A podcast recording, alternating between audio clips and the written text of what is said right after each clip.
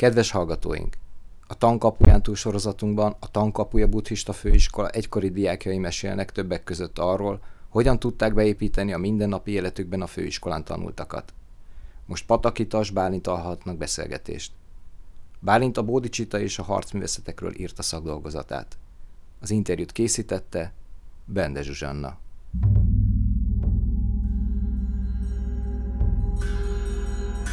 Boldog ki végig jó marad. Portré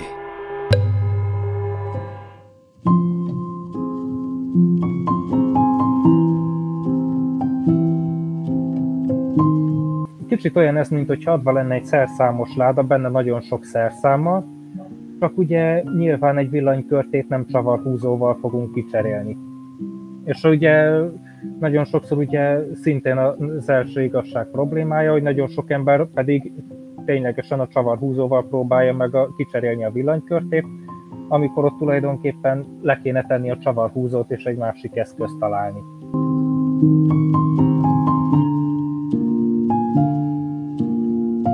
Minden ember gyárilag jóságosnak van behúzalozva, csak aztán történik valami probléma, egy sérülés, egy trauma, akármi, ami egy kis zavart okoz. Tehát, hogy ami előidéz egyfajta szoftverhibát, ami végül kivált előítéletességre való hajlamot.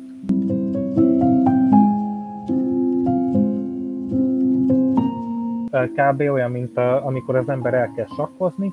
Nyilván az elején ilyen nagyon kezdetleges, ilyen stratégia nélküli módon lépeget a bábukkal, aztán ő szépen fokozatosan felismeri azt, hogy hol milyen lépésekkel lehet jól kijönni egy adott állásból.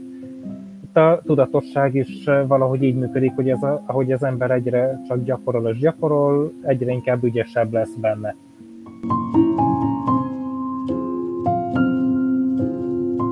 hogy az önteltség is egyfajta pajsként van használva a legtöbb embernél, hogy saját gyengeségüket eltakarják.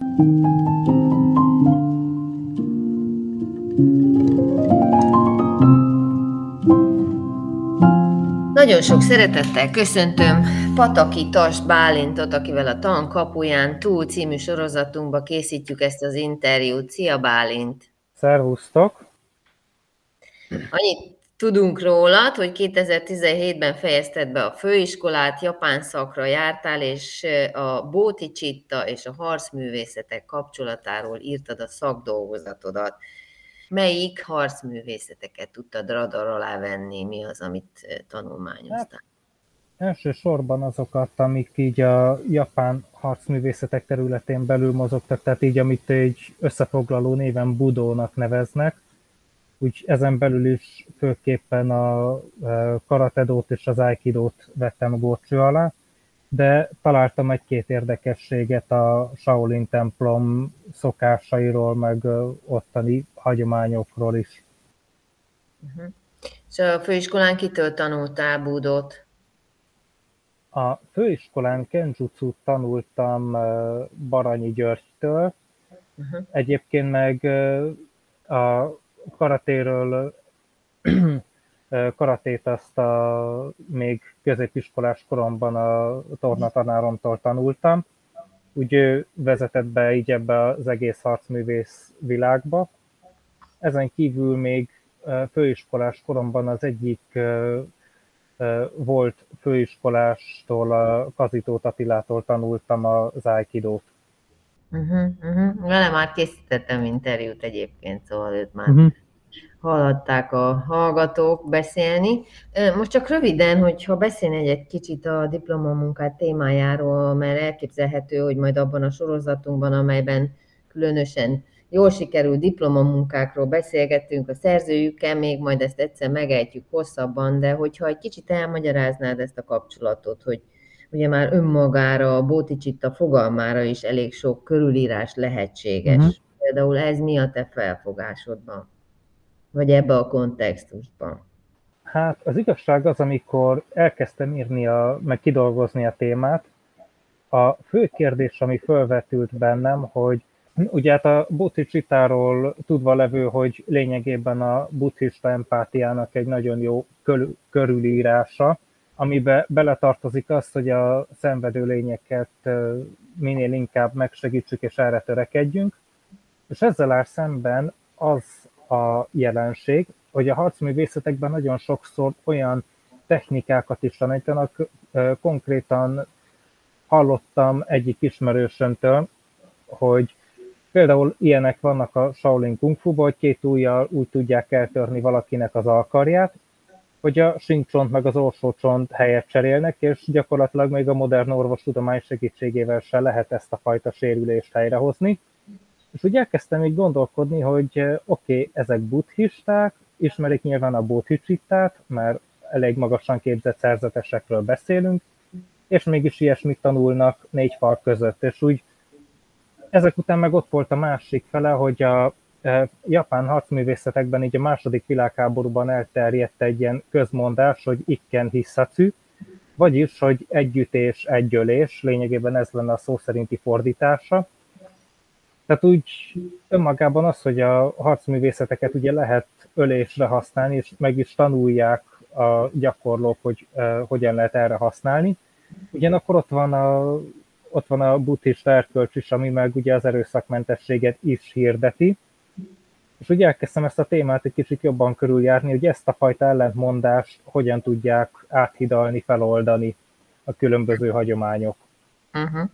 Na hát igen, mert felmerül a kérdés, ugye hát nyilván laikusok kérdése, mert hát nyilván a harcművészeteket gyakorlók valószínűleg tisztában vannak ezzel, de hogy minek egyáltalán kiélesíteni a kést, ha úgysem akarjuk használni. Tehát, hogy az erőszakmentesség az inkább a leszerelés fele mutat, nem? Vagy uh-huh. az erődemonstráció, vagy mi ez, mi ez, amiért mégis ilyen késztetést éreznek az emberek, hogy képesek legyenek egy ilyen szintre eljutni? Úgy vettem észre egyébként, hogy a önmagában ez, hogy van az a késztetés bennünk, hogy minél jobban, ahogy fogalmaztál, hogy minél jobban élezzük meg a kést, hogy készüljünk fel a Csihipuhira. Ez zömében ilyen állatvilágból örökölt ösztönök általi késztetés.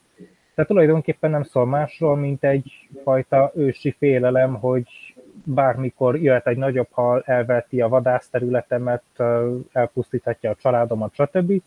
Ez úgy bennünk van, mert hát megnézzük az állatvilágban, ott is rengeteg ilyesmi előfordul. valószínűleg az őskorban ez nem volt másképp az emberrel sem, csak úgy, ahogy fejlődött a civilizációnk, úgy egyre inkább háttérbe szorult ez a fajta nézőpont, mert egyre inkább tevődő, egyre inkább észrevettük azt mi is, hogy jobban járunk akkor, hogyha szövetségeket kötünk, mint hogyha ellenségek, el, idézőjelben ellenségeket keresünk. Uh-huh. Tehát úgy tulajdonképpen így szerintem az van benne, hogy ez a jobb félni, mint megijedni mentalitás. Uh-huh. Uh-huh. Hát igen, szóval ugyanez az analógia egyébként a buddhizmussal kapcsolatban is sokszor kérdés, és kritika is a buddhizmussal kapcsolatban, hogy mi a vége annak, ha az ember a nem cselekvést, azaz ugye nem ítélkezést választja, mert ebben már valahol van egy nagyon nagy fokú tudatosság is, amikor a nem cselekvést választják. Tehát, hogy, hogy mégis mi lehet, hogy azon túl, hogy az ösztönök meg minden, de hát egyszer csak eljut oda, hogy, hogy mégis azt választja, hogy hát minek fecséreljem az időmet ilyesmire, amikor most megint csak mint egy laikus kérdezem, hogy, hogy, hogy, hogy a, nagy szentek, ha őket veszük példának, akkor akkor ők nem tréningezték magukat, nem készültek fel támadásra, vagy magukat nem készítették fel a harcra, és nyilván ebben is volt valamiféle tudatosság, hogy mi az akkor mégis? Tehát ez a relatív igazság, meg az abszolút igazság területén lépkedünk, amikor ezt a kétfajta attitűdöt vizsgálgatjuk, szerinted? Vagy? Hát itt nekem, amikor úgy ezen gondolkodtam, úgy eszembe jutott az első igazság, ami ugye szó szerint ugye bávadukha lenne, Na most ez szó szerinti lefordításban ugye sokan úgy fordítják, hogy a létszenvedés, létesülés, szenvedés, csak hát ugye kérdés az lenne itt, hogy mi az a létesülés. Én erre egy nagyon jó analógiát találtam, ugye amikor tegyük fel, hogy van egy színész, aki dolgozik egy színházba, ugye különböző karaktereket el kell játszania, és például amikor valaki átszellemül Hamletbe, az maga a létesülés folyamata, és a fő problémáink abból adódnak, amikor egy-egy ilyen karakterbe beleragadunk. Ugye szokták, ha jól tudom, ezt színészbetegségnek is szokták hívni. És például én azt látom, hogy úgy így nyer értelmet maga az első igazság, hogy ugye amikor beleragadunk egy karakterbe, az hosszú távon szenvedés okozhat, hogy itt egy, azt tűnik nekem célra vezetőnek, hogy magát a karakter, karakterekhez való ragaszkodást kell feloldani, mert akkor egyfajta adaptivitást meg tudunk valósítani, ugyanis van az a helyzet, amikor például az erőszak is rövid távon tud célra vezető lenni, ha megtámadnak az utcán, akkor nyilván valami, valamit fel kell tudni mutatni, hogy élve megúszszam a dolgot. Ugyanakkor mondjuk most, mit tudom én, ha egy hivatalban kell tárgyalni, ott már egyenesen kontraproduktív tud lenni a dolog. Tehát itt is azt kell tudni, hogy mikor melyik szerepnek van a helye, és ezt tudni kell jól felhasználni. Uh-huh. Uh-huh. Tehát olyan ez, mond, mint mondjuk az elme pallérozása, csak egy másik szinten, tehát hogy... Ja, nagyjából igen. Kicsit olyan ez, mint hogy adva lenne egy szerszámos láda, benne nagyon sok szerszámmal, csak ugye nyilván egy villanykörtét nem csavarhúzóval fogunk kicserélni. És ugye nagyon sokszor ugye szintén az első igazság problémája, hogy nagyon sok ember pedig e, ténylegesen a csavarhúzóval próbálja meg a, kicserélni a villanykörtét, amikor ott tulajdonképpen le kéne tenni a csavarhúzót és egy másik eszközt találni. Igen, igen.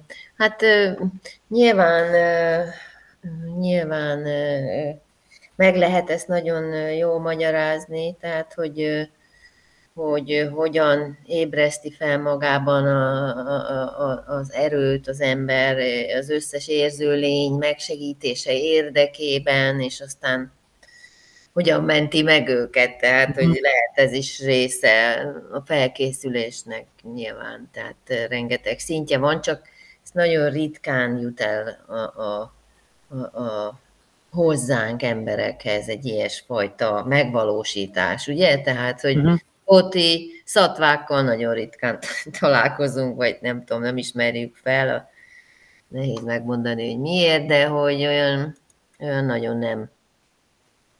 Sokban. Uh-huh. Hát, ja, ez most úgy nehéz ügy, főleg így modern időkben. No, hát minden esetre azt is lehet tudni rólad, hogy a, felkért téged a Farkas Pali, hogy tarts egy előadást a, a Muditák, a Mudita klubban, ami az idősebb buddhistáknak ugye a klubja, és erről kicsit mesélsz, hogy mm. mi, mi volt az erőszakmentesség volt, de hogy miért vajon, miért kért fel téged erre a Pali, és mit tudsz erről az erőszakmentesség? Igen, ez egy uh-huh. érdekes történet, mondjuk azt tudni kell, hogy nem a Farkas Pál kért fel, hanem volt egy ilyen felhívás ex-diákok meg diákok részére. Volt az egyház meg a József Attila lakótelep között egy ilyen jó viszony, úgy adogatták egymásnak a szívességeket, úgymond, és az egyház ajánlotta föl a közösségi háznak, hogy az ex-diákjaik és diákjaik szerveznek, szervezhetnek ott programokat, és hogy hozzám úgy jutott el a felhívás, hogy ha szeretnék felajánlást tenni, akkor megtehetem. És úgy voltam vele, hogy akkor most meg, hogy akkor megrakadom az alkalmat, és teszek egy ilyen felajánlást. Maga az erőszakmentesség egyébként úgy jött, hogy az egész buddhista tanításon belül, amit úgy a laikusoknak a legkönnyebben el lehet magyarázni, a, azok, azok közül a témák közül nálam a leginkább közel álló, meg átél dolog pont ez az erőszakmentesség, mert uh, átéltem nagyon sok mélypontot én is, meg ugye saját bőrömön is megtapasztaltam, megtapasztaltam, hogy tulajdonképpen az erőszaknak mi a gyökere, hogy honnan indul el a, a, önmagába a harag is, meg hogy ennek az egésznek mi a kiinduló pontja, és hogyan lehet ezt kezelni.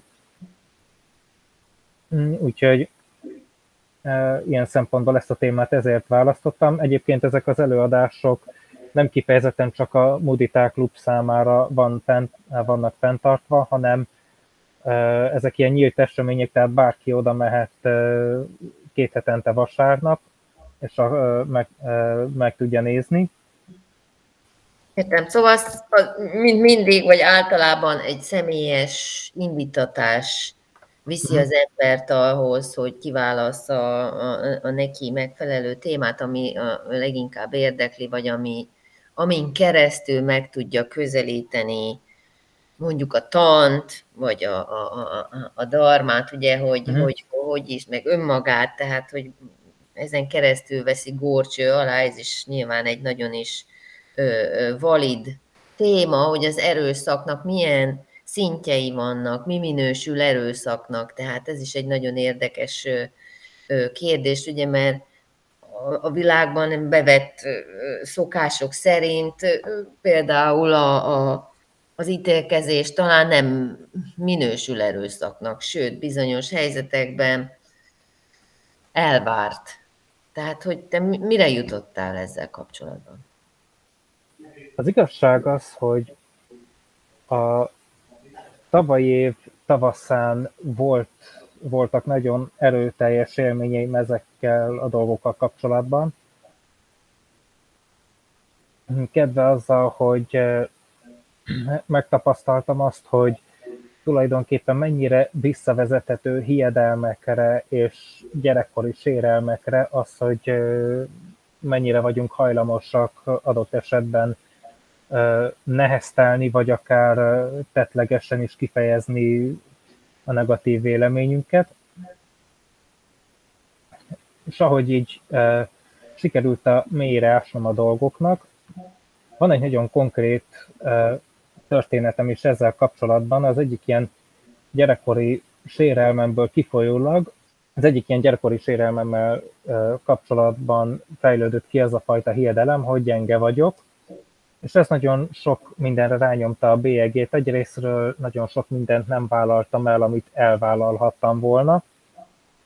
Még ráadásul ennek tetejében azok, akiket én erősnek gondoltam, volt, hogy irigykedtem rájuk, vagy adott esetben okot találtam arra, hogy miért is lehet elítélni őket. Aztán, ahogy visszamentem így a e, kiváltó okára ennek a hiedelemnek, ez úgy átváltott az ellentétébe, tehát úgy eh, ahogy megvizsgáltam azt, hogy ez a sérelem milyen adottságot eh, mutatott fel nekem, ami segített átvészelni, úgy arra jutottam, hogy minden túlélek. És egyébként tényleg, mert eh, találkoztam én is erőszakos emberekkel, meg voltam, voltak igencsak csúnya baleseteim is, viszont ennek ellenére a mai napig egyetlen csontom nem törött el egész életemben, és ez még csak egy ilyen nagyon felszínes része a dolognak, de hogy ennek így sikerült a végére járnom, és gyakorlatilag a hiedelmet átfordítani az ellentétébe, úgy azt vettem észre, hogy egyre kevesebb negatív gondolatom született, sokkal könnyebben ment megbocsátani bizonyos sérelmekért is más embereknek.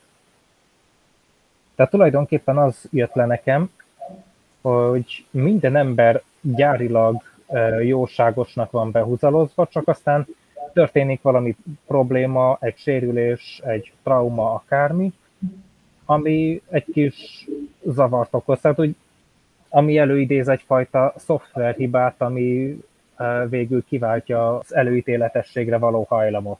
Hát nevezetesen a tudatlanságról beszélsz. Uh-huh. Hát igen. Tehát lényegében kiderült számomra az, hogy minden ember jónak született, és mhm. innentől kezdve az már egy másik kérdés, hogy kinek mennyire vesszük ezt figyelembe, amikor elkövet valamit, vagy mennyire nem.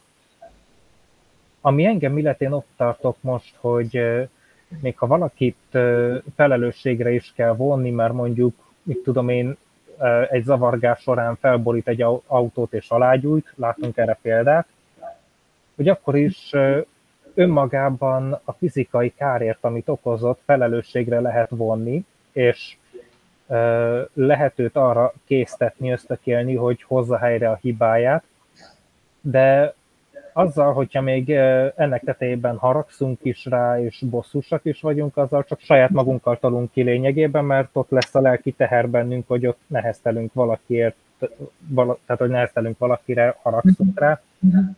Mikor ezeket az érzéseket úgy elengedjük, és önmagában a konkrét károkért felelősségre vonjuk az adott elkövetőt, az sokkal inkább járható út, hogy mindezt így bosszúságmentesen végigvigyük, úgyhogy az illető tanul, tanuljon is az esetből.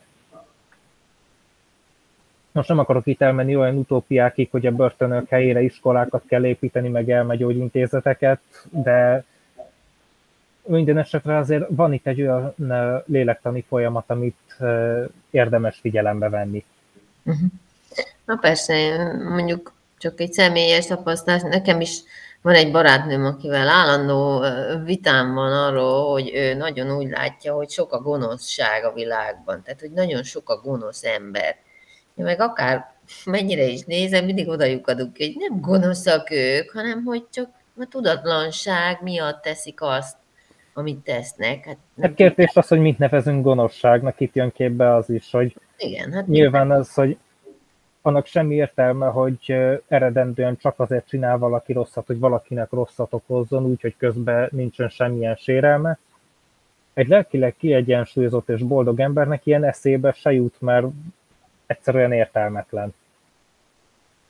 Mm-hmm. Jó, persze, egyértelmű, de például te mit minősítesz erőszaknak? Milyen, ugye azért mindennek vannak finomabb szintjei is. Uh-huh. Nyilván egy pofon, azt megnyilvánult már, vagy egy verbális megnyilvánulásáról tudja az ember, hogy az erőszaknak minősíthető, de milyen finomabb szintjei vannak, amire érdemes odafigyelni, vagy a felfedezéseid során rájöttél rá, ismertél arra, uh-huh. hogy ez az erőszaknak az egyik formája, és nem gondolnád, vagy nem gondoltad hát, volna. Hát igen, hogyha egy fogalmilag nézem, akkor uh, itt is tulajdonképpen megkülönböztethető a konfrontáció és a konfliktus. Ugye uh, vannak, van olyan eset, amikor uh, a amikor a konfrontáció hasznos, amikor szembe kell néznünk olyan tényekkel, igazságokkal, amikkel nem akarunk. Többek közt ezzel kapcsolatban is voltak tapasztalataim, mert nagyon sok ilyen igazsággal szembe kellett nézni, mire mögé láttam a dolgoknak. Viszont ott van a másik fele, hogy amikor kialakul egy konfliktus, ott, ott az ember mindezt öntudatlanul kezdi el alkalmazni, és gyakorlatilag öntudatlanul vezeti oda az erejét, ahova nem kéne. Hát ugye etimológiailag is nézzük a dolgot, hogy erőszak, tehát hogy az ember erővel akar dolgokat megoldani. Igen, vannak esetek, amikor hasznos tud lenni, például egy kartontáját nyilván izomból kell elcipelni, ha az ember olyan helyzetbe kerül. De például még akkoriban, amikor még sokkal intenzívebben foglalkoztam így ezzel a harcművész témával, akkor fejlődött ki bennem egy olyan látásmód, hogy van háromféle harcos. Van a gyenge képességű harcos, aki csak úgy tud győzni, hogy, hogy megöli az ellenfelét. Van a közepes képességű, aki szintén belebonyolódik a harcba, de kisebb sérülésekkel, vagy akár sérülés nélkül képes lefegyverezni az ellenfelét, már olyan értelemben sérülés nélkül, hogy az ellenfele nem sérül meg, meg ő maga se nyilván. de ott van az, aki a legmagasabb képességű, aki a jellemével képes úgy elhárítani a konfliktusokat, hogy tulajdonképpen a képletesen szólva a kis ujját se kell megmozdítania. Tehát van, hogy, van, hogy csak egy szó elég ahhoz, hogy elsimuljanak a konfliktusok. Jó példa erre egyébként az erőszakmentes kommunikációnak a modellje, ahol is ugye mindig felsorolunk először, először mindig fölmutatunk egy konkrét eseményt, amiben nem lehet ugye belekötni, utána külön vesztük azt, hogy mit érzünk ezzel az eseménnyel kapcsolatban, aztán megint külön vesztük egy harmadik komponensként azt, hogy mire vágyunk, és végül negyedszerre egy konkrét kérést teszünk fel a másik személynek, akivel van a konfliktus helyzet, ami számára is megoldható, nem okoz kényelmetlenséget, és a problémát segít megoldani. És ez a rendszer például pont azért jó, így buddhista szemmel kielemeztem, mert ahogy az ember elkezdi felsorolni az érzéseit az adott konkrét eseménnyel kapcsolatban, ugye másik félben ösztönösen előjön, felébred az együttérzés. Tehát úgy pusztán azzal, hogy megváltoztatjuk a kommunikáció jellegét, együttérzésre tudjuk sarkalni a másik felet, ami egy természetes emberi reakció, és innentől kezdve megint visszajutatunk oda, hogy hát ugye mivel minden ember jóságosnak született, ezért valószínűleg pszichopatának kell lennie a másik embernek ahhoz, hogy ne kelljen föl benne az együttérzés, hogyha elmondjuk, hogy van egy konkrét problémánk, és hogy ez ilyen érzéseket vált ki belőlünk. Ez az erőszaknak szintén, hát ugye a buddhizmusban szinte minden visszavezethető, vagy valami karmikus indítatásra, vagy tanult szokásra. Tehát, hogy így tanulta meg. Nekem például hmm. van olyan ismerősöm, akinek az erőszak, ő így tanulta meg, hogy így lehet érvényesülni a világba. Egy nevelő otthonban nőtt fel, és az erőszak az mindennapos volt. Ez volt az elintézési módja szó szerint a, a dolgoknak. Tehát, hogy hmm. erről azért nagyon nem egyszerű lejönni erről a trackről, de mégis... Igen, ezt egyébként aláírom, mert hát hallottam én is, hogy még itt a Magyarországon is vannak olyan kifejezetten nógózónák, ahol ilyen bűnözői szubkultúra alakult ki, és hát ott azért elég nehéz lenne úgy ezt a erőszakmentességet terjeszteni, mert ott is ilyen ember-embernek farkassa mentalitás van. Amikor ezt látod működni, akkor mit javasolnál egy ilyen embernek? Hogyan menjen vissza ehhez a forráshoz, és hogy tudja ezt? Tehát neked milyen, milyen gyakorlatok váltak be neked, mondjuk így? Az igazság az, hogy nem lesz semmi új a nap alatt azzal, amit mondok. A rendszeres meditáció pusztán a légzés figyelésre sokat segít, mert az embert rászoktatja arra, hogy még akkor is a jártában, keltében is elkezdi figyelni magát, mert szokássá válik. Ez nálam egyébként olyan szinten működött, még első éves koromban, amikor minden másnap reggel volt meditáció reggel, hogy volt, hogy amikor mentem, mentem az utcán, akkor voltak meditációs élményeim, mert szokássá vált azt, hogy elkezdtem figyelni magamat és ezek a dolgok már így automatikussá váltak, és onnantól kezdve, hogy így automatizálódnak ilyen megfigyelési folyamatok, sokkal könnyebb lesz észrevenni, amikor elindulnak ezek a dolgok. Egyébként közben eszembe jutott, amit akartam mondani így ezzel a, az ilyen nógózónás történetekkel kapcsolatban, hogy igen, van olyan eset, amikor az erőszak az, ami rövid távon célra vezető. Viszont itt is fontos az, hogy az ember vállalja a felelősséget azért, hogy most ezt a megoldást választotta. Van konkrétan egyébként, még pont a szakdolgozatom írása során találkoztam egy szamuráj történettel, ami pont arról szól, hogy két szamuráj összebalhézott, egyik megölte a másikat, csak hogy ez a másik egy ilyen magasabb rangú szamuráj volt, és elkezdték körözni, meg üldözni ezt a szamurájt, aki az igazáért kiállt, és egy párbajban legyőzte a magasabb rangút. Aztán végül úgy döntött, hogy mindenkinek sokkal könnyebb, hogyha odáll a tömegelés, vállalja, hogy erőszakkal intézte el a problémát. Hát ugye nem nehéz kitalálni, ugye főleg az, abban a kultúrában végül kivégezték az illetőt, de maga ez a történet pont azt tanította meg, hogy legyünk elég bátrak ahhoz, hogy vállaljuk a felelősséget azért, hogyha valami olyasmit teszünk, ami esetleg destruktív lehet. Egyébként nem mellesleg ugye ott van még a Buddha életében is Angulimál a története, akiről tudni lehet, hogy ő kifejezetten a szeretet gyakorlásával érte el a felébredést, meg azzal, hogy az erőszakmentességet megvalósította. Ez is egy érdekes dolog egyébként, hogy a Hüvelykúj Füzér nevezetű tömeggyilkosból lesz végül az Ahimszaka, vagyis a nem ártó megnevezésű szerzetes. Tehát gyakorlatilag pont annak a mintaképe lett, aminek a szöges ellentéte volt korábban.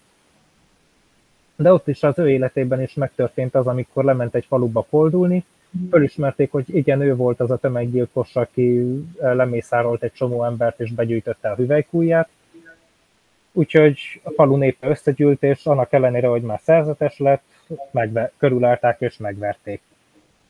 Aztán hát ugye itt különböző történetvariációk vannak róla, hogy ha jól emlékszem, az eredeti szuttában ott meg is hal, és ott a Buddha elmondja, hogy ezzel ő már letudta a karmikus adósságát. Ugyanakkor van egy nagyon jó kis könyv, ami ezt sokkal tovább nyújtja, és ott a történet szerint nem hal meg, csak nagyon megsérül, és egy tárgyalás, tárgyalás rendeznek, és ott lényegében törvény elé állítják, és a történet második fele arról szól, hogy hogyan mentik föl végül a bűnei alól a szerzetest. Ez a Satish Kumarnak a Buddha és a terrorista című könyve.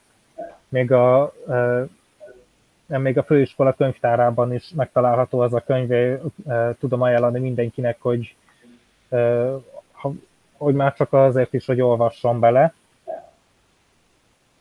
Sok érdekes dolgot írnak már a bevezetőjében is egyébként. Már ott van még egy ilyen beszéde is az írónak, úgy pont akkoriban jött ki a könyv egyébként, amikor volt a World Trade Centernek a lerombolása, és ott ugye az emberek, ugye az, emberi, az egész emberiségben egy ilyen nagyon nagy visszhangot keltett ugye az, hogy ott jöttek a terroristák a Jumbo jet és ott ugye ezen alkalommal úgy Satish Kumar elmondja, hogy az erőszak tulajdonképpen olyan, mint egy fertőző betegség, amikor valakit erőszakos cselekmény ír, akkor ő maga is erőszakossá válik, és terjeszti tovább ezt a betegséget.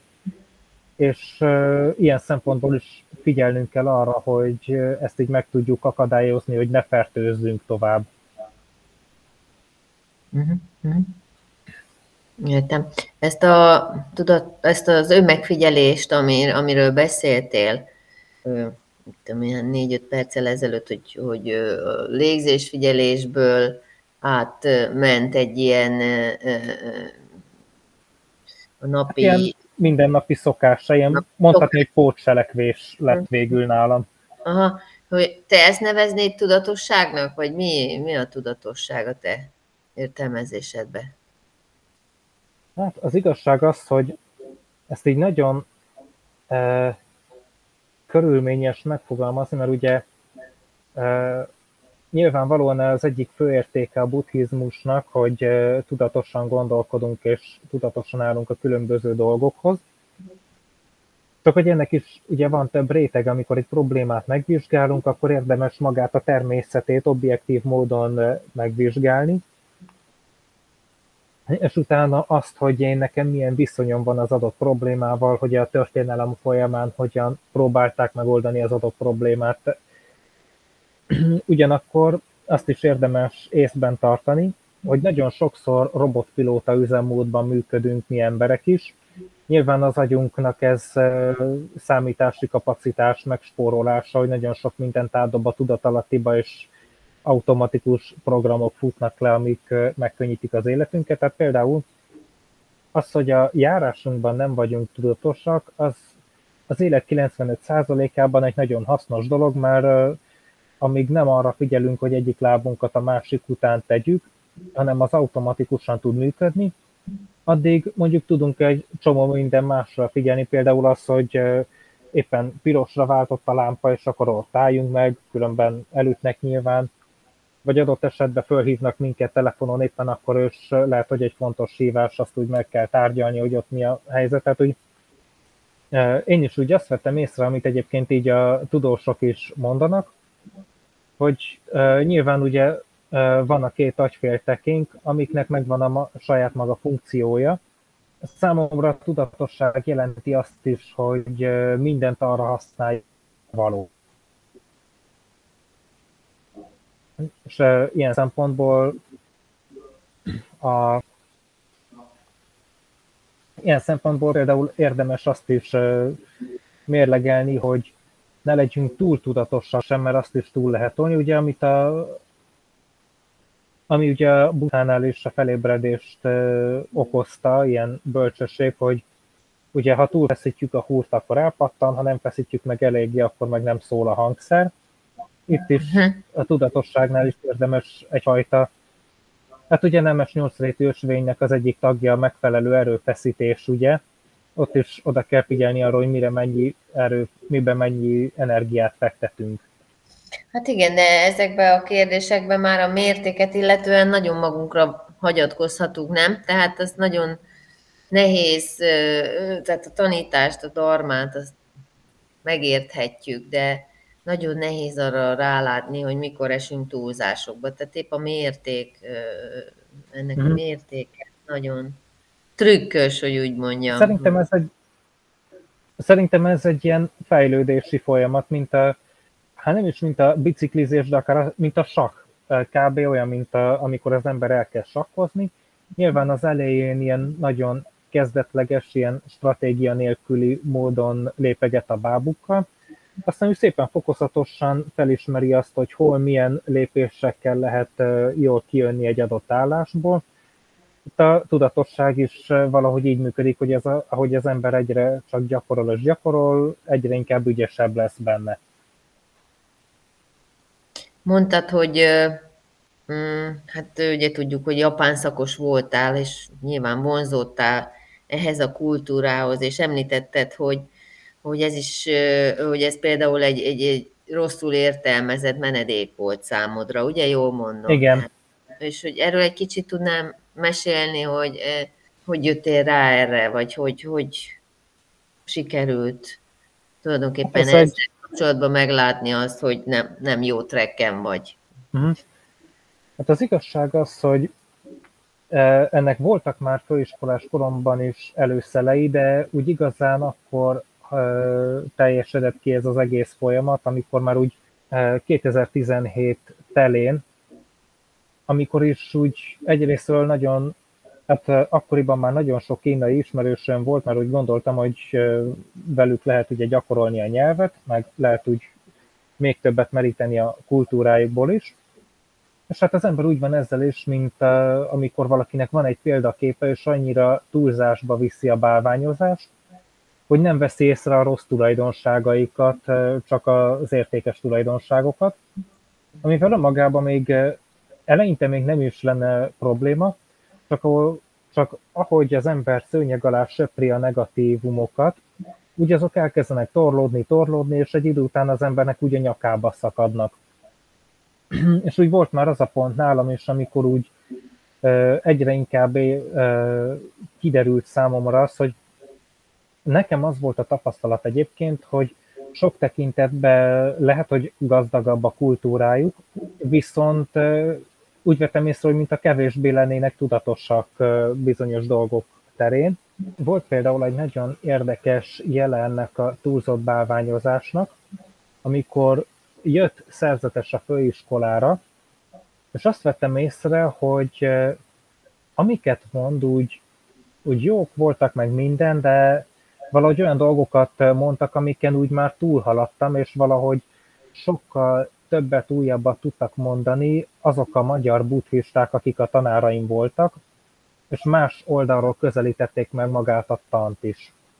A legjobban úgy tudnám ezt így körülírni, hogy, a, hogy akik jöttek szerzetesek, olyanok voltak, mint csak ismételnének valamit, amit ők is úgy hallottak valakitől, aki szintén ismételte.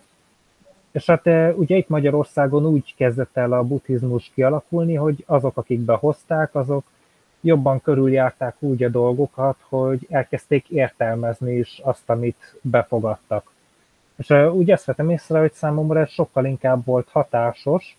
Ez főleg akkor kezdett el érzé, akkor kezdtem el leginkább érzékelni, amikor már megvolt bennem az elhatározás, hogy hú, milyen jó dolgokat mondanak a tanáraim, és akkor én most az egyik irányvonal mellett teljes mértékben elköteleződöm, el is kezdtem végignézni, hogy milyen közösségek vannak, akik kifejezetten valamilyen hagyományvonalhoz tartoznak, de valahogy mindegyikből hiányzott valami, ami a többi másik hagyományvonalban benne van, de egyik sem volt úgy önmagában teljes. Viszont ugye a főiskolán, ahogy a tanáraim előadták a dolgokat, az meg úgy teljes volt és átfogó volt lényegében. És ott visszatérve erre a, erre a japán-kínai vonalra, úgy ott is ezt éreztem, hogy úgy olvastam eredeti nyelvű szövegeket is japánul, kínaiul, és tulajdonképpen ami csak, csak ami új volt a nap alatt, az annyi volt, hogy például amikor a szívszútrát fordítottam le kínai nyelvről, ugye szóhasználatban láttam meg olyan árnyalatokat, amiket ugye magyar fordítás nem tudott átadni, vagy például a Márici Dévának a szútrája, ami magyar nyelvre nem volt lefordítva, tehát ugye azt én fordítottam le elsőként szerintem az országban, és úgy, azt is úgy közé tettem a szakdolgozatomba. Tehát úgy, ott is úgy éreztem, hogy úgy érdekes dolgokat mond, de nagyon sokszor a szimbólumokba így saját kútfőből sakkoztam ki, hogy mire utalhat egy dolog. Például az, hogy a Márici Dévát, akitől a keleti hagyományok szerint származnak a harcművészetek, úgy valahogy majdnem mindegyik harcművészeti irányzat visszavezeti magát ehhez az istenséghez. És ugye ezt az istenséget, egy istennőről beszélünk egyébként, tehát ez is egy érdekes dolog, hogy még csak nem is férfi, hanem női istenségről van szó. Hogy ül egy vaddisznón, van hat karja, és mindegyik karjában más és más fegyver van. És úgy ott is például egy nagyon érdekes árnyalat sejlett föl bennem, de sehol nem találtam rá magyarázatot, hogy ugye vaddisznó lovagol, és hát amit itt Magyarországon lehet tudni a vaddisznóról, hogy az életárán is megvédi a malacait, és ezért mondják azt a túrázóknak is, hogyha vaddisznót találnak, akkor föl a fára gyorsan, vagy ha elég ügyesek és erősek, és nincsen fa a közelben, akkor végül is megpróbálkozhatnak azzal, hogy önvédelembe bocsátkoznak késsel, vagy macsétával, vagy amiük van, de akkor ott ugye teljes mértékben meg kell ölni a vaddisznót, mert hogyha csak megsérül, akkor még folytatni fogja tovább a küzdelmet, mert védi a malacait. És például pusztán ez a fajta összefüggés, hogy egy ilyen állat kerül elő a szimbolikában, itt a szimbólumnak a mélységét is úgy tudtam megérteni, hogy a lényegében a saját kultúrámból ismerítettem, hogy olvashatóvá váljon a dolog. De a lényeg az, hogy ahogy egyre jobban kiélesedett az, hogy nem ez a fajta rajongásra járható út, és eljött az a pillanat, hogy akkor most ezt a dolgot le kellett tennem, akkor azt vettem észre, hogy, hogy sokáig ebben a rajongásban határoztam meg önmagamat is, tehát úgy én voltam az a nyelvér zseni, aki hú beszéli ezeket a megtanulhatatlan nyelveket, meg aki érti is ezeket a dolgokat, viszont onnantól kezdve, hogy elment tőle a kedvem, hogy ezekkel foglalkozzak, úgyhogy fölsejlettek a szépség hibája a dolgoknak, tehát lényegében, ahogy az idealizmus átmegy materializmusba, és úgy észrevettem ezeket a dolgokat, ugye azt vettem észre, hogy ezzel együtt az is eltűnt, ami eddig meghatározott engem, és onnantól kezdve a legnagyobb nehézsége a 2018-as évnek az volt, hogy megtaláljam azt, ami, ami tulajdonképpen én vagyok, amivel úgy azonosítani tudom magam, mert ugye Hát így derült ki nagyon az, hogy ha egy szereppel azonosul az ember, és nem képes belőle kiszállni, akkor hosszú távon a múlandóság elég sok problémát fog neki okozni. És hát onnantól kezdve úgy olyan szinten letettem mindent, egyébként ott egy ilyen nagyon csúnya kiégésem is volt. Tehát ott volt az, hogy a mesterképzést ott hagytam, abba hagytam a harcművészeteket is, a zenélést abba hagytam, úgy addig a sakuarcsin gyakoroltam. Ugye mai napig egyébként a kedvenc hangszerem, csak hát azóta a kiégés óta szerintem egy kezemben meg tudom számolni, hogy hányszor fogtam a kezembe és zenéltem vele. Úgy, ahogy letettem mindent, és elkezdtem újra felépíteni magamat, hogy volt egy nagyon érdekes kihívás, amit úgy kitaláltam saját magamnak, hogy akkor mindent, amit a főiskolán tanultam, és egy, amiben egyébként a mai napig hiszek, meg végig hittem, megpróbálom úgy megfogalmazni, hogy a saját szavaimmal, mint hogyha nem is létezne az a, hogy, mint hogyha konkrétan maga a buddhizmus, meg a buddhista szakkifejezések nem léteznének, tehát úgy kifejezetten a, a saját megfogalmazásommal, akár tudományos megalapozottsággal fogalmazzam meg mindazt, amiben hiszek. Úgyhogy innentől kezdve elindult egy nagyon érdekes út, amit bejártam, ami végül abban csúcsosodott ki, hogy sokkal hitelesebbé vált mindaz, amit megtanultam már így benne, meg hát nem is tudom, hogy ezt hogy lehetne jól megfogalmazni, úgy vettem észre, hogy én magam valamivel hitelesebbé váltam azáltal, hogy ezt a idézőjeles kihívást végigcsináltam.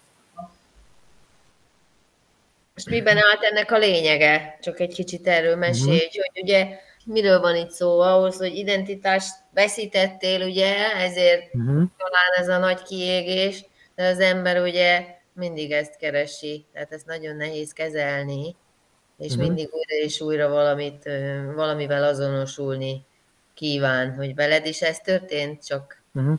hát úgy, valami más szinten gondolom, hogy úgy akkor kezdtem el nagyon érzékelni azt, hogy valaki másnak az útját érom. A Joseph Campbell-től származik egy uh, idézet, mi szerint, hogyha tiszta a terep előtted, akkor valaki más útját járod. Na, én ezt vettem észre magamon ugye ennél a leomlásnál, és hát ott, ahogy úgy próbáltam megkeresni a saját utamat lényegében, amiről, amit úgy hitelesen fel tudok mutatni, hogy na igen, én ennek vagyok a képviselője, ezt valósítom meg életem során. Tehát úgy valahogy a romok közt a fényt még mindig láttam, csak úgy nagyon pislákolt, meg nehezen elérhető volt, és volt olyan szintje is a dolognak, hogy éreztem azt, amit meg kell valósítanom, csak még nem tudtam megnevezni sem, mert olyan szinten nem találtam olyat, aki előttem járt ezen az úton. Hát ugye ez a nehézség, amikor az ember a saját útját kitapossa, hogy előtte senki nem járta végig. Tehát ott nagyon sok mindent nekem kellett magamtól felépíteni. Őszintén szóval egy nagyon érdekes, meg jó élmény volt. Hogy is fogalmazom, úgy, ami fő probléma úgy bennem volt, meg amit úgy érzékeltem, hogy nagyon sokszor a vallásosság sejtett egyfajta babonásságot, amit az ember már úgy nem tud komolyan venni. És úgy megpróbáltam kivonni magam ebből a babonásságból, hogy stabilabb lábakon álljon az, amiben, amit én vallok ideológiát, és úgy ennek próbáltam az építő elemeit összeszedni, hogy mert amúgy azt úgy érzékeltem, hogy magában a tudományos életben is megjelennek azok a dolgok, amiket a Buddha tanított, csak úgy nagyon elszórva, tehát olyan, mint amikor van egy tízezer darabos kirakós, és minden házban egy kis részét ennek a kirakósnak kiszórod, uh-huh. és hogy az ember így rakosgatja össze a darabokat, mindenhol a képnek csak egy darabkája, egy hiányos része jelenik meg, és én úgy megpróbáltam a teljes képet összegyűjteni így a tudományos életből és a különböző vallási irányzatokból, hogy ott mi az, ami technikailag hatásos, úgymond, meg így lélektanilag használható. És hát úgy szépen fokozatosan így eljutottam a ilyen modern önfejlesztés világához is, amit úgy az üzleti világban hasznosítanak. Úgy innen jött maga a coaching vonal is, hogy akkor ezt a végzettséget szerezzem meg, meg hogy foglalkozzak ezzel a modern önfejlesztéssel, úgy nagyon sokáig úgy is éreztem, hogy akkor most ez lesz a járható út, hogy minden vallásos, szakrális dolgot kiveszek az egészből, és a, a, lényegében a technikai elemeket tálalom. Úgy akkoriban azt gondoltam, hogy pusztán a technik, lélektani, lélektannak a technikai elemeivel ugyanazokat a hatásokat el lehet érni, mint adott esetben egy vallásos szertartással.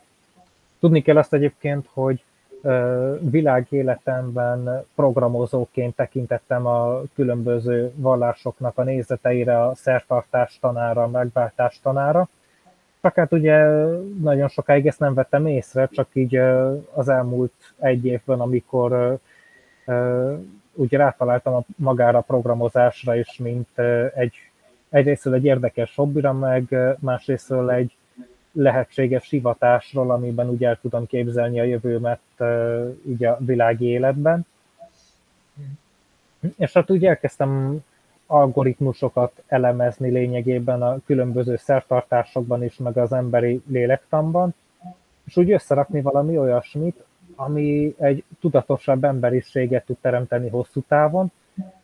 Nagyon sok olyan élményem volt egyébként, ahogy a modern fejlesztés világába kutattam, hogy basszus kulcs, ezt miért nem tanították az iskolában? Tehát úgy komolyan olyan dolgok, hogy, amit említettem például az erőszakmentes kommunikáció modellje, ezt el, tudom, el tudtam volna képzelni simán, hogy egy 7.-8. osztályba, de legkésőbb középiskolába megtanítsák nekünk. És egyébként hivatalosan be is volt jegyezve, hogy önismeret óra volt tulajdonképpen, csak hát maga a tanár se tudta, hogy, hát, hogy itt mit kellett volna tanítani, uh-huh. úgyhogy lett helyette irodalom óra kiegészítése. Uh-huh. Úgyhogy tehát ugye ezt néztem, hogy ilyen szempontból a közoktatás is eléggé felkészületlen volt. Meg egy olyan dolog, például egy másik nagyon jó könyv, amit tudok ajánlani a hallgatóságnak, Simon Sinektől a Találd meg a Miérted című könyv. Egy nagyon jó technikai út, útmutató ahhoz, hogy az ember hogyan tudja egy kerek mondatba összefoglalni, hogy mi az a küldetés tudata, miért ő minden nap tenni akar, Uh-huh. Mert nagyon, nagyon hasonló egyébként ahhoz a folyamathoz, amit 21 tavaszán végig csináltam én is a korlátozó hiedelmek ellentétébe fordításával. Csak egy kicsit lájtosabb módon ott a pozitív pszichológia szellemében haladtak, hogy a pozitívumokat ragadták ki, ami úgy érzelmileg megragadja az embert, de egy nagyon hasonló metódust ír le a könyv, ami ami szintén ilyen öt, öt kifejezett tehetséget fel tud mutatni az emberben, plusz ugye a küldetés tudatát, ami egy két részből álló mondatba megfogalmazható.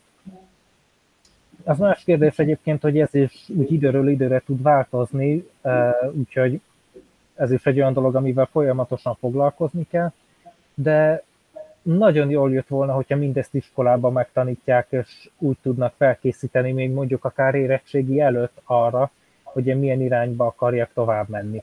Uh-huh. Az más, az más kérdés egyébként nyilvánvaló, akkoriban még ilyen uh, alig voltunk 18 évesek, uh, amikor érettségiztünk, tehát végül is azt is betudható ennek a készületlenségnek, hogy uh, még túl fiatalok voltunk, de Például az olyan dolgok, mint a szeretett nyelvek, amit Gary Chapman fedezett föl.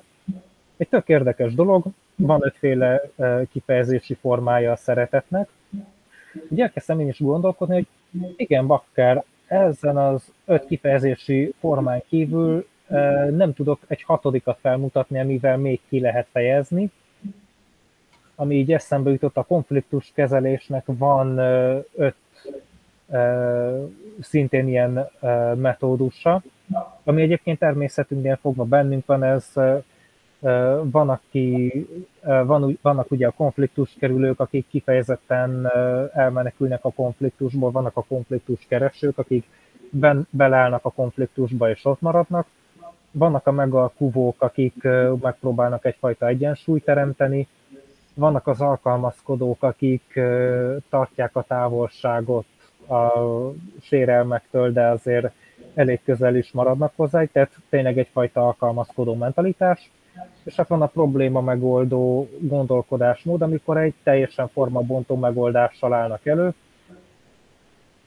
és nem mellesleg egyébként ez is benne van a harcművész kultúrában, csak hát ez ilyen ö, titkos tanítások között ö, lelhető fel, ugye ez az, a, a Shaolin Kung Fu-nak az öt állatformája, kifejezetten ennek megfeleltethető, tehát ott a konfliktus kerülő attitűdnek megfeleltethető a sárkány, a tigris a konfliktus keresőnek, a leopárd az alkalmazkodónak, a daru a megalkuvónak, a kígyó pedig a probléma megoldónak.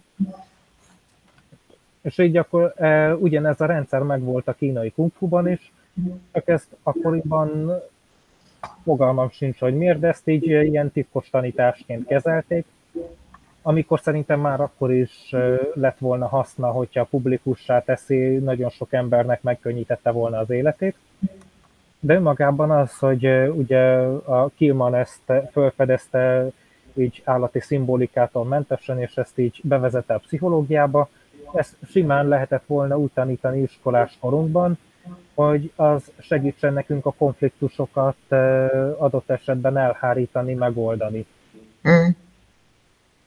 Jó, hát nyilván minden lehetne egy kicsit jobb, úgyhogy arra uh-huh. felevezesse az emberiséget, hogy erőszakmentesebb és együttérzőbb legyen. Nagyon sok mindenről beszélt, és látszik, hogy jól rakod össze a puzzle ugye, mint mindenki. Uh-huh. Én nem vagyok egy ilyen katasztrófa turista, de azért nyilván nagyon fontos volt ott az, amikor itt szétesett ez az egész ilyen identitás keresésed, valószínű, hogy ott, ott hogy a hitrendszer, ahogy te magad is mondtad, azt kellett megdolgozni, ugye? Tehát amikor ezek a megdolgozatlan hitrendszerek még működésben vannak, és egyszerűen nem hagyják kibontakozni az hmm. embert, és előre szaladunk el, elmével, de valójában utána kullog egy ilyen hitrendszer, amit húzunk így magunk után, és, és az, az, az, az hátráltat, és egyszer csak uh-huh. romjaiba találjuk magunkat, de itt mit, mit, mit, mit figyeltél meg? Vajon mennyire tudtál tudatos maradni, amikor, amikor így összeomlott ez a fajta valóság, ami addig uh-huh. működtetett?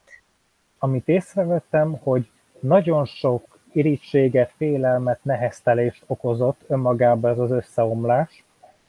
És még szerencsé, hogy szokásommal vált az önfigyelés, innentől kezdve azt is volt szerencsém megtapasztalni, hogy nagyon sok előítéletes gondolkodás, nagyon sok erőszakos cselekedet mögött ilyesfajta neheztelések vannak, uh-huh. amik, amik a feloldásra kerülnek, akkor meg megszűnnek ezek a fajta okozatok is egyébként. Az érdekesség még azt vettem észre, hogy miután nagyjából kezdett rendeződni, és úgy, amikor azt hittem, hogy így a vallástalanságban megtaláltam a tupit, hogy még akkor is ott volt a morzsája ennek a sérelemnek, egyfajta rátartiságban, egyfajta önteltségben, és ez is egy, egy nagyon érdekes dolog, hogy az önteltség is egyfajta pajsként van használva a legtöbb embernél, hogy saját gyengeségüket eltakarják. És ebből a szempontból még az is egy érdekesség, ami úgy eszembe jutott, fenn van a Youtube-on egy ex-KGB ügynöknek egy előadás arról, hogy hogyan lehet egy kultúrát úgy felforgatni, hogy teljesen szétessen és könnyen el lehessen foglalni. Nagyon jól levezette, hogy a Szovjetunió hogy foglalta el El Salvadort egy-két afrikai országot is, és az első lépése mindennek az volt, hogy az embereket először a hitüktől kell megfosztani, a magát a vallásosságot, a szakrális gondolkodást kell úgy elhitelteleníteni, hogy elforduljanak tőle. És úgy ezt vettem észre én is, hogy onnantól kezdve kezdtem el én is stabilizálódni, hogy visszatért egyfajta szakarálisság az életembe. És most ez teljesen mindegy, hogy e, e, melyik vallásból származik. Tehát tulajdonképpen úgy, ugye ez ilyen nagyon közhelyes, amikor az ember ilyeneket mond, de valahol igaz is, hogy hát mindegy, hogy mi, de legyen valami ebben, amiben hisz az ember, és ez a valami későbbiek folyamán valami jobbá tud fejlődni egyébként, főleg, hogyha kicsit tudatosabb, mint annó én voltam kamaszkoromban, és nem dől le az egész, mint a kártyavár. De egyébként azt kell mondjam, hogy még az is valahol egy pozitívumnak volt felfogható, mert nagyon sok lexikális tudást felhalmoztam a főiskolás éveim során, amikért egyébként a mai napig nem győzök elég hálás lenni. Részben egyébként a hálámnak egy kifejezési formája az is, hogy a közösségi házban tartok előadásokat.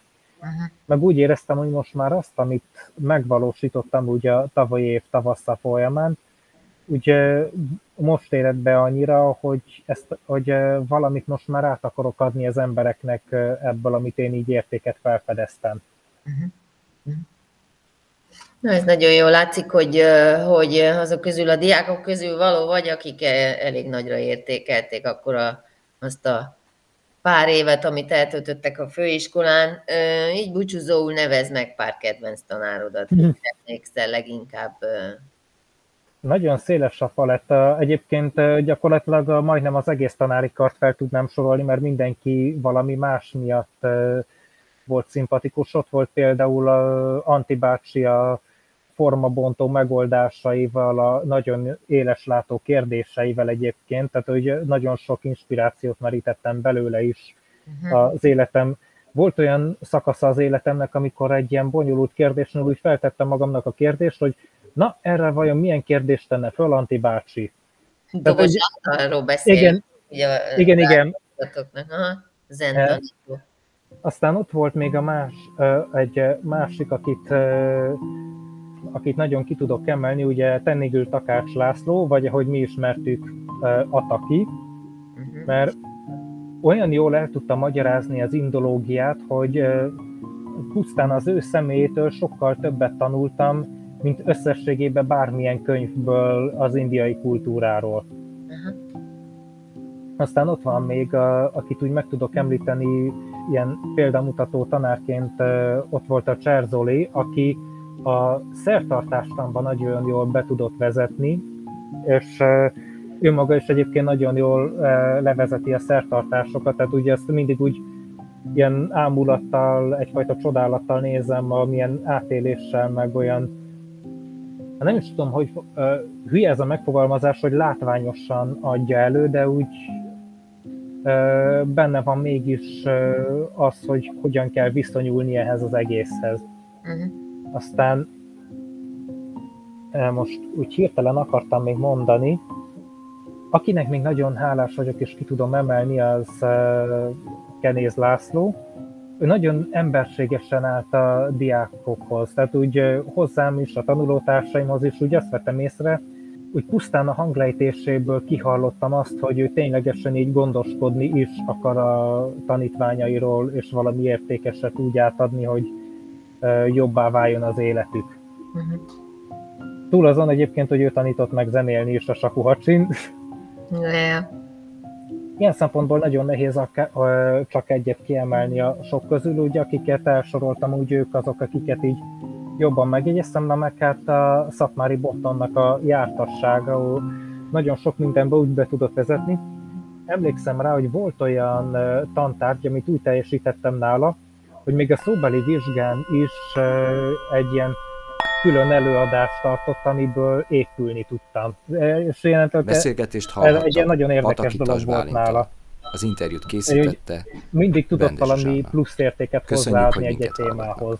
Bálint, nagyon szépen köszönöm az interjút, és nagyon örülök, hogy ilyen szép emlékek maradtak meg benned a tankapujáról, úgyhogy reméljük, hogy még beszélgethetünk a szakirodalom vagy a szakdolgozatot kapcsán, úgyhogy köszi szépen az mm. interjút. Én is köszönöm szépen, és a hallgatóságnak figyelmébe ajánlom József Attila lakótelepi közösségihez két hetente előadás vasárnap.